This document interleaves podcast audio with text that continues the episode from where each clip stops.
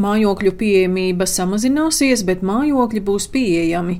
Tā situācija tirgū raksturo Svetbanka galvenās ekonomists Latvijā vietas izpildītāja Agnese Buceniece. Svetbanka katru ceturksni vērtē mājokļu pieejamību visās Baltijas valstu galvaspilsētās, un pēdējie dati par pērnā gada ceturto ceturksni liecina, ka Rīgā mājokļi bija pieejamāki nekā Tallinā un Viļņā. Mums ir viszemākās mājokļu cenas, Un tas savukārt atspoguļo mūsu mājokļu tirgus struktūru, kur ir daudz lielāks īpatsvars padomu sēriju veidu dzīvokļiem. Abās pārējās Baltijas valstu galvaspilsētās mājokļu cenas aug būtiski straujāk nekā pie mums.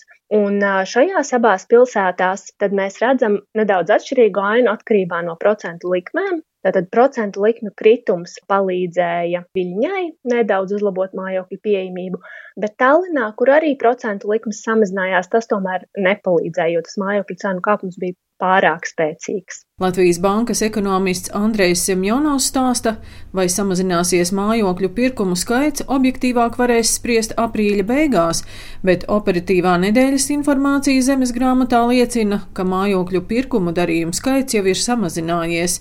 Pēc viņa domām nenoteiktība ekonomikā mājokļa tirgu ietekmē divējādi šis nekustamais īpašums var tikt uztverts kā nodrošinājums pret inflāciju, un to arī mēs redzējām Covid laikā, kad palielinājās aktivitāte tieši prēmijum klases nekustamajiem īpašumiem, tādējādi cerot pasargāt mājasaimniecību uzkrājumus pret inflācijas ietekmi, Savukārt no otras puses, kā tas vēsturiski vienmēr ir pierādījies, tādas augstas nenoteiktības laikā lieli pirkumi, investīcijas, tēriņi nu, kāds mājoklis neapšaubām ir tiek piebremzēti. Un tad tā turpmākā ietekme ir ļoti atkarīga no drošības sajūtas šīs nenoteiktības līmeņa. Optimismu par covid ierobežojumu atcelšanu nomaina nenoteiktība un neziņa.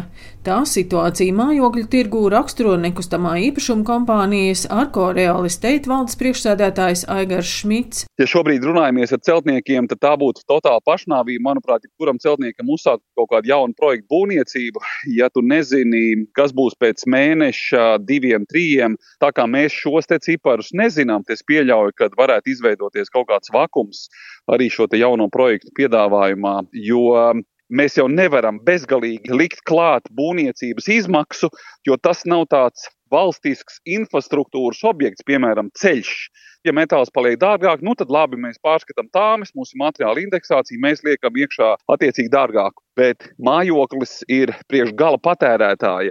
Un gala patērētājam ir jābūt spējai šo cenu samaksāt. Jo, ja tu būvē par 1300 eiro kvadrātmetrā un piepieši te būvniecība ir izmaksājusi 1500 vai 1600 eiro kvadrātmetrā, kas procentuāli šī brīža nestabilitātes laikā ir absolūti reāla, pārdodot par 2000 eiro kvadrātmetrā, attīstītājs straudēs ar lielu mīnus zīmi. Tā kā šobrīd vēl noteikti būs izaicinājumi tiem iesāktiem projektiem, kur eh, šobrīd ir jāskrien līdz būvizmaksām un jācer, ka tu varēsi šo projektu pabeigt, kā saka, lai neiestātos maksāt nespēju. Sebbankas privātpersonu konsultāciju centra vadītājs Māris Opinsāns vērtē, ka nemainīga liela aktivitāte saglabāsies sēriju veida dzīvokļu segmentā.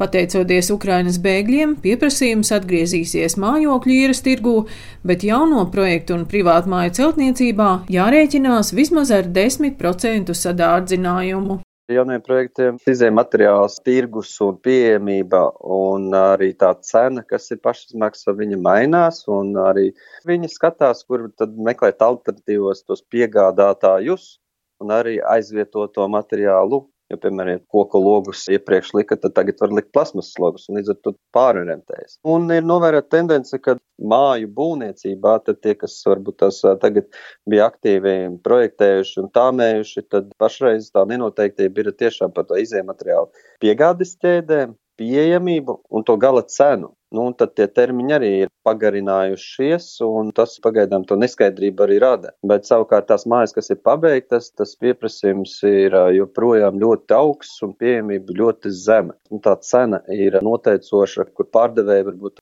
šo cenu noskata ļoti augstu, un līdz ar to klientiem jāreķinās lielāku līdzdalību. Latvijā mājokļu pirkumu skaits bijis par 10 līdz 20% zemāks nekā Lietuvā un Igaunijā, pie mums nav novērojami spekulatīvi darījumi, līdz ar to arī mājokļu tirgus pārkaršanas pazīmes.